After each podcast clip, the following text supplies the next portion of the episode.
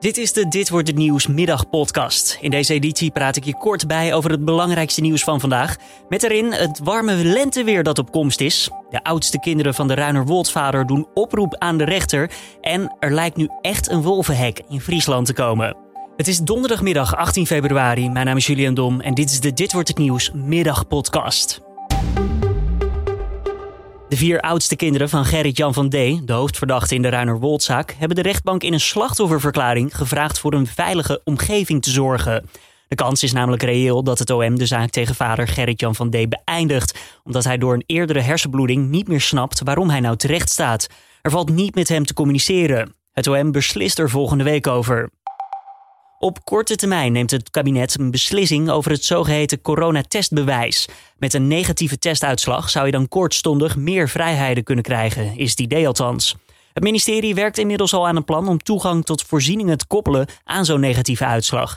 Nou, dat plan zou in de tweede helft van maart afgerond moeten zijn, al kan het ministerie dat nog niet helemaal bevestigen. Hoewel zo'n testbewijs dus tot meer vrijheid kan zorgen voor sommige groepen, mag het niet zo zijn dat dit ook leidt tot discriminatie. Tramschutter Gugman T. heeft in de gevangenis een bewaker neergestoken. Hoe en waarom dit kon gebeuren wordt nog onderzocht, vertelt een verslaggever van RTV Rijnmond. Nee, over de aanleiding eh, is het eh, nog uh, onduidelijk. de gevangenis die is ook druk bezig met een onderzoek. vanuit de gevangenis hebben wij begrepen in elk geval dat het wapen wat hij zou hebben gebruikt, dat het zelf zou zijn gefabriceerd. De bewaker raakte licht gewond en is inmiddels behandeld. T zit in de gevangenis in De Schie op de afdeling voor terroristen. Hij zit daar een levenslange gevangenisstraf uit vanwege het plegen van de tramaanslag in Utrecht. Daarbij kwamen vier mensen om het leven. We laten de kou nu echt achter ons. Komend weekend komt namelijk het eerste warme weer weer aan bij ons. En dat blijft mogelijk zelfs een week lang hangen, vertelt Weerplaza. Nou, het heeft er alle schijn van dat we het in ieder geval vasthouden tot en met uh, woensdag. Uh, deze hoge temperaturen. Vanaf donderdag gaat de temperatuur eigenlijk weer iets dalen. Maar ook dan blijft het nog wel uh, bijzonder zacht hoor, voor deze tijd van het jaar. Die temperaturen zijn best uitzonderlijk te noemen zo vroeg in het jaar. Zeker gezien de kou van vorige week. Het is niet zo dat het nog nooit is voorgekomen. Maar zo vroeg in het jaar, dus in februari, dat gebeurt echt heel weinig. zeker ook die grote temperatuurverschillen. Vorig weekend nog uh, tussen de min 10 en min 15 in de nacht. En dan komend weekend uh, tussen de 15 en 20 graden. Smiddag zonder jas naar buiten zou dan ook zeker mogelijk moeten zijn vanaf volgende week. Het Friese wolfhek lijkt er nu echt te komen. Er is 30.000 euro opgehaald waarmee de eerste kilometers van het hek aangelegd kunnen worden.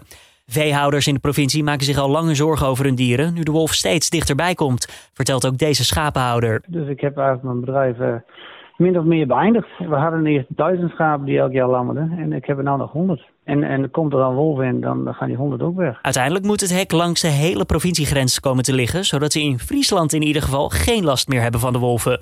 Maar dat betekent dus dat het probleem voor de provincie is opgelost en niet zozeer voor de rest van Nederland. En daarmee verschuiven ze het probleem dan niet, maar verkleinen ze het, zegt de schapenhouder. Nee, uh, het is het verkleinen van het probleem. Want ze komen toch wel in Groningen. Alleen we willen ze niet in Friesland hebben. En uh, uiteindelijk ja, moet, moet iedereen toch zelf eh, bekijken van hoe wil hij met die wolf om. Dan nog eventjes sport. Novak Djokovic heeft voor de negende keer de finale van de Australian Open bereikt. Daarmee kwam ook meteen een einde aan het sprookje van de Russische nieuwkomer Aslan Karatsev, vertelt onze sportverslaggever Jasper van Vliet. Aslan Karatsev is al 27 jaar, maar deed dit keer pas voor de eerste keer mee aan een Grand Slam toernooi. Dus zijn opmars komt uh, volledig uit het niets. Karatsev is pas de eerste speler ooit die bij zijn debuut inslaagt om de halve finales te bereiken van een Grand Slam toernooi. Maar goed, Djokovic uh, heeft hardhandig een einde gemaakt aan zijn sprookje. Makkelijk was het allemaal niet voor Djokovic. Zijn Russische tegenstander kwam nog best goed mee in de rallies. Toch speelde Karatsev uiteindelijk te wisselvallig om echt hard uit te kunnen halen. De finale van de Australian Open is zondag. En wie het dan moet opnemen tegen Djokovic wordt morgen bekend als de tweede halve finale is gespeeld.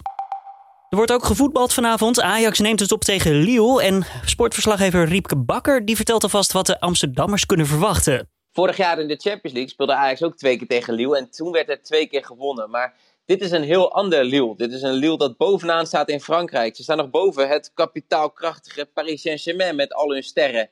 En dan mist Ajax ook nog eens Haller, Gravenberg en Onana. Dus het wordt een lastige avond. De wedstrijd van Ajax begint om 9 uur vanavond. En eerst speelt ook nog eventjes PSV. De Eindhovenaren trappen om vijf voor zeven af tegen het Griekse Olympiakos. En ook daarover alvast even een verwachting voor de wedstrijd. Ja, de druk staat er volop voor PSV. Want ze zijn uitgeschakeld in de KNVB-beker op achterstand in de eredivisie. Dus is het Europese avontuur de enige manier eigenlijk om het seizoen nog glans te geven.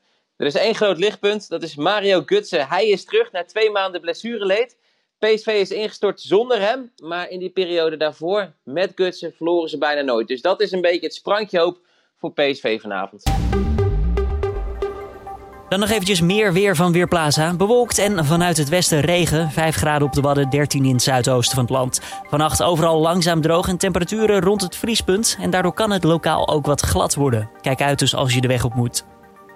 Om af te sluiten, in Spanje worden bomen die tijdens de sneeuwstorm van januari zijn omgewaaid of bezweken, nu gekloond. Op die manier moeten karakteristieke exemplaren of bomen die voor de inwoners een sentimentele waarde hebben, bewaard blijven. Zo zijn er nu ook monsters verzameld van de 100 jaar oude kurkeik, waar de gemeente Los Rosas van de regio Madrid onbekend staat. Volgens onderzoekers is het belangrijk om de genetische informatie van deze oude bomen te bewaren, omdat ze in sommige gevallen al ruim een eeuw stand houden tegen klimaatverandering, insecten en bladroest. Dit was dan weer de Dit Wordt Het Nieuws middagpodcast. Deze keer van donderdag de 18e van februari alweer. Tips of feedback? Laat het ons weten. Stuur het even toe via podcast.nu.nl. Ik wens je voor nu een hele fijne en gezonde donderdagmiddag. Mijn naam is Julian Dom en tot de volgende weer.